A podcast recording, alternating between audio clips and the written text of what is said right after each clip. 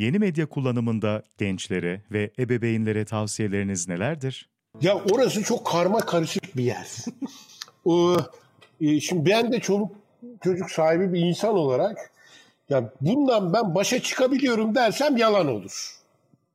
Çünkü bir tane ekranla şu sevi şu 3 santim mesafede baş başa duran bir çocuk yani. Şimdi orada ne izliyor, neyi takip ediyor, ne hani bir takım işte e, şeylerin programların işte güvenlik e, şeyleri falan var, yazılımları var.